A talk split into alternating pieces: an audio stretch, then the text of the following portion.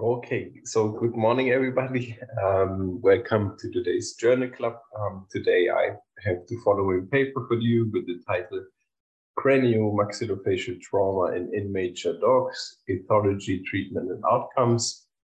Um, we're going to go through this paper today, and I would like to start with a small introduction. So um, basically, we know that craniomaxillofacial traumas are a relatively common thing, uh, especially on emergency basis. Um, but uh, if we look at treatment modalities, outcomes, um, basically good data around this topic, and then especially in young dogs, we will find that there's limited, limited data out there. Um, it is also a controversial subject. It kind of depends on which which kind of surgeon treats those animals, what they prefer. Um, so we're going to look at uh, things like this.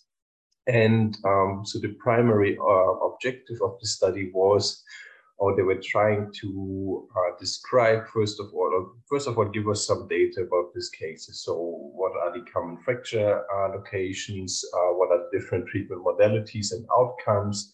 What are typical complications and how common are they and uh, what influences our fracture healing.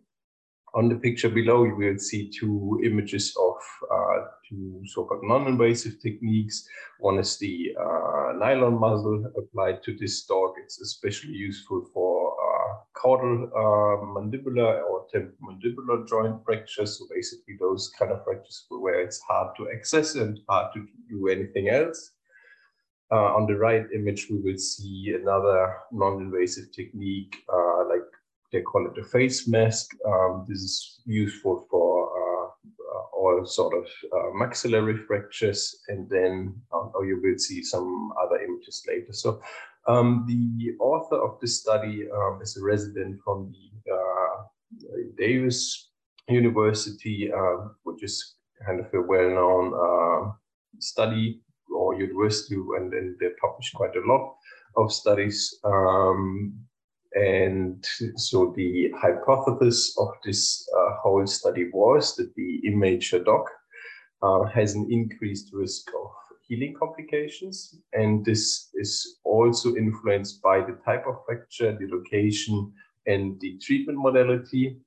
Uh, but no matter, also the dog, uh, so they're saying the dogs are having an increased risk of healing complications, but still because it's young animals and they have a good innate bone healing capacity, um, they're secondly hypothesizing that um, these dogs will heal uh, quite good uh, despite having um, some factors for, for complications.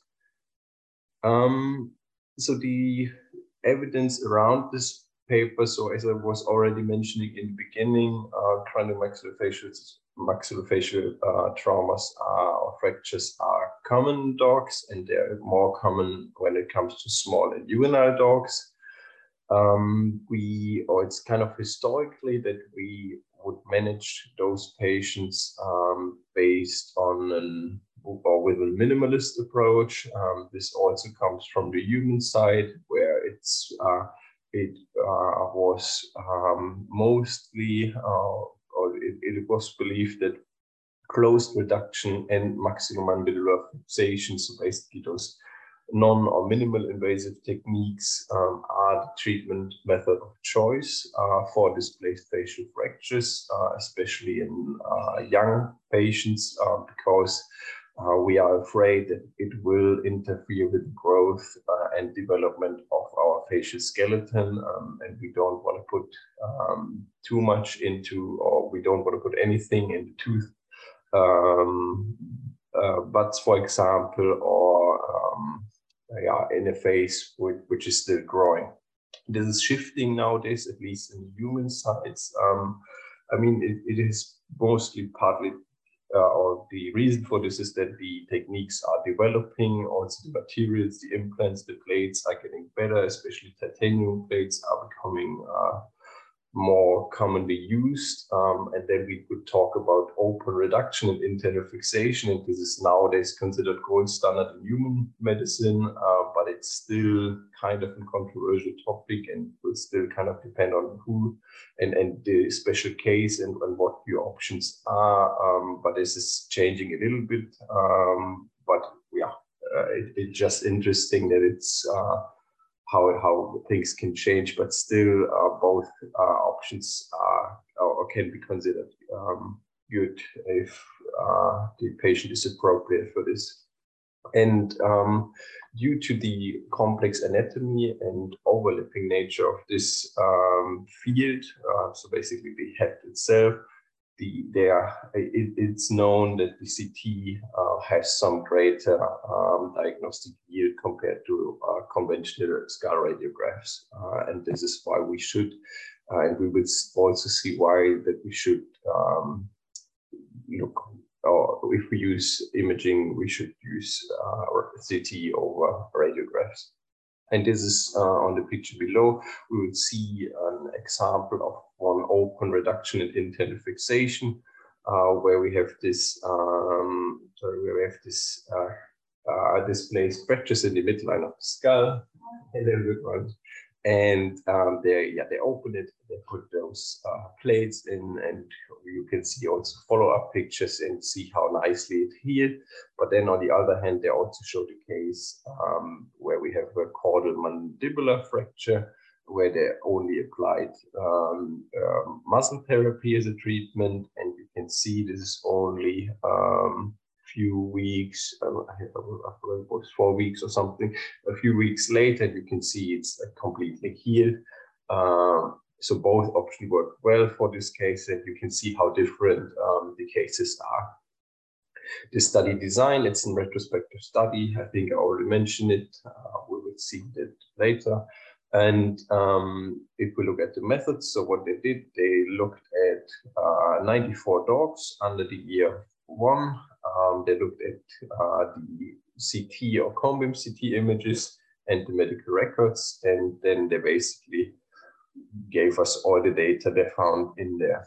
Um, so if we look at the results of this study, uh, I tried to summarize. I will have some graphs later on, and they're quite easy to, to read. Um, so if somebody wants some more data, you can easily find it. Um, so the majority of trauma was caused by animal bites, and uh, I think that's uh, that makes sense. It's a typical thing uh, in young animals that they getting bitten. Um, and so this was the majority cause of trauma, so 71%. The most um, likely bone region to be involved was uh, the maxillary bones. We will see a nice uh, heat map later on where, we, where you can see all the different regions um, and how commonly they were fractured. And the second most common was the molar region of the mandible. So you will see they also split uh, different bone segments into different regions. Uh, you will see that.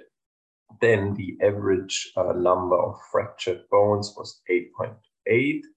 Um, but also so quite a lot of fractures per animal. Um, what was also interesting that there was some um, connection or it was associated when we had rostral mandibular trauma that we would also find intra-articular fractures of the temporomandibular joint. So if we see a fracture in the uh, front region, uh, we can suspect, or at, le at least it's um, it's not that rare that we will also find um, temporomandibular joint problems or intra-articular fractures. Um, we would also find, or they would also find um, patients with concomitant injuries in 32% of the cases. So also a lot of uh, additional uh, things going on. Um, what was interesting as well was that the most commonly performed treatment they did uh, in those young animals was muzzle therapy. Uh, so in over half of those patients, so 53%, they just applied the muzzle um, to begin with uh, to, to stabilize the thing. And um, it's, um, and we will talk about this maybe a bit more in detail about the different results, but they also saw healing complications in a lot of cases and, and 71% of dogs, where mal, sorry, malocclusion was the most commonly reported with 55%. Um, there were, yeah, for, let's maybe talk about this a little bit more. So with healing complications, they were looking at you will see the, the list, uh, non-vital teeth and so on. Um, but it's, um, so they had a lot of complications, but the complications uh, were, were minor one. Um, they, we shouldn't uh, forget about them, but it was, was like um, massive um, problems. Um, we could usually treat uh, that as well quite easily and it kind of fits the um, the hypothesis in the beginning um, that they were thinking, even though we will have some complications due to the nature of young young dogs, uh, we will still most likely see um, good results, and and this is basically what they saw. Um, so the number of complications per dog was 2.4. Um, so as I mentioned, there were some problems usually associated with the teeth. Um, and yeah, you will. You, I, I don't know if I have all the pictures included, but they were kind of hard to themselves when it comes to complications. Um, they couldn't find any um, statistically significant association between the treatment modality and the healing outcome. Um, in the discussion, they're mentioning um, it's still, we can't say that every treatment is good for every patient. We still should decide uh, what is possible and what is the best for each individual patient. But uh, as you can see, they, they couldn't find much better results for, um, for example, uh, rigid fixation or, or anything. And um, this is also what I kind of suspected to be uh, there was a positive correlation between the severity uh, severity of fracture uh, and displacement uh, with a negative healing outcome. So the more messed up the head was, um, the more uh, the worse the healing was basically. So with with all of this, I think most of this is uh, yeah makes sense, and I think it's not that um, hard to believe uh, that those numbers could be actually kind of um, true. Um, yeah, you will see. Uh, so they also give us uh, some some other demographic data about the sex, uh, dentition status, skull type, and so on. Um, this is what we already saw here. You can see the other um, uh, types of trauma. So we saw that it's um, uh, the cause was mostly animal bites, uh, and the uh, most concomitant trauma was an ophthalmologic um, one. You would see the others as well.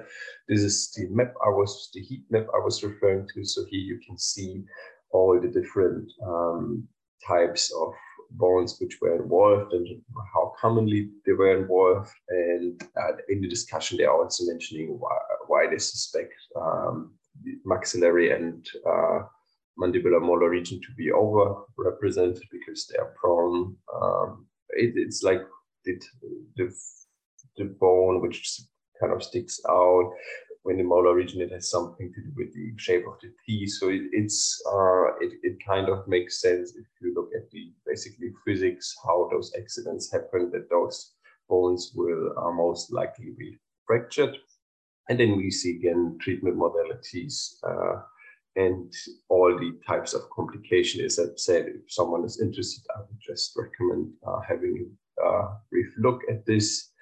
And lastly, if we look at the limitations, so it's in retrospective uh, study design, so there are always those limitations which come to that.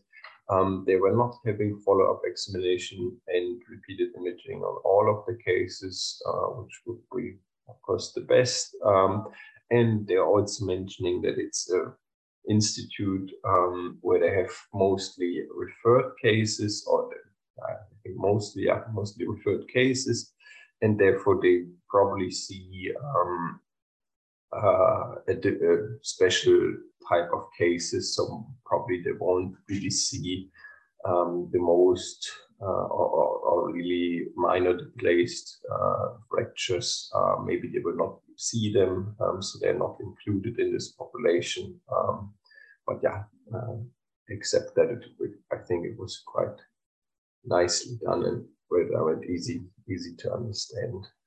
Okay, I hope everything worked. I hope you could hear me. Um, all right, then have a nice day, have a nice week. See you next time. Bye bye.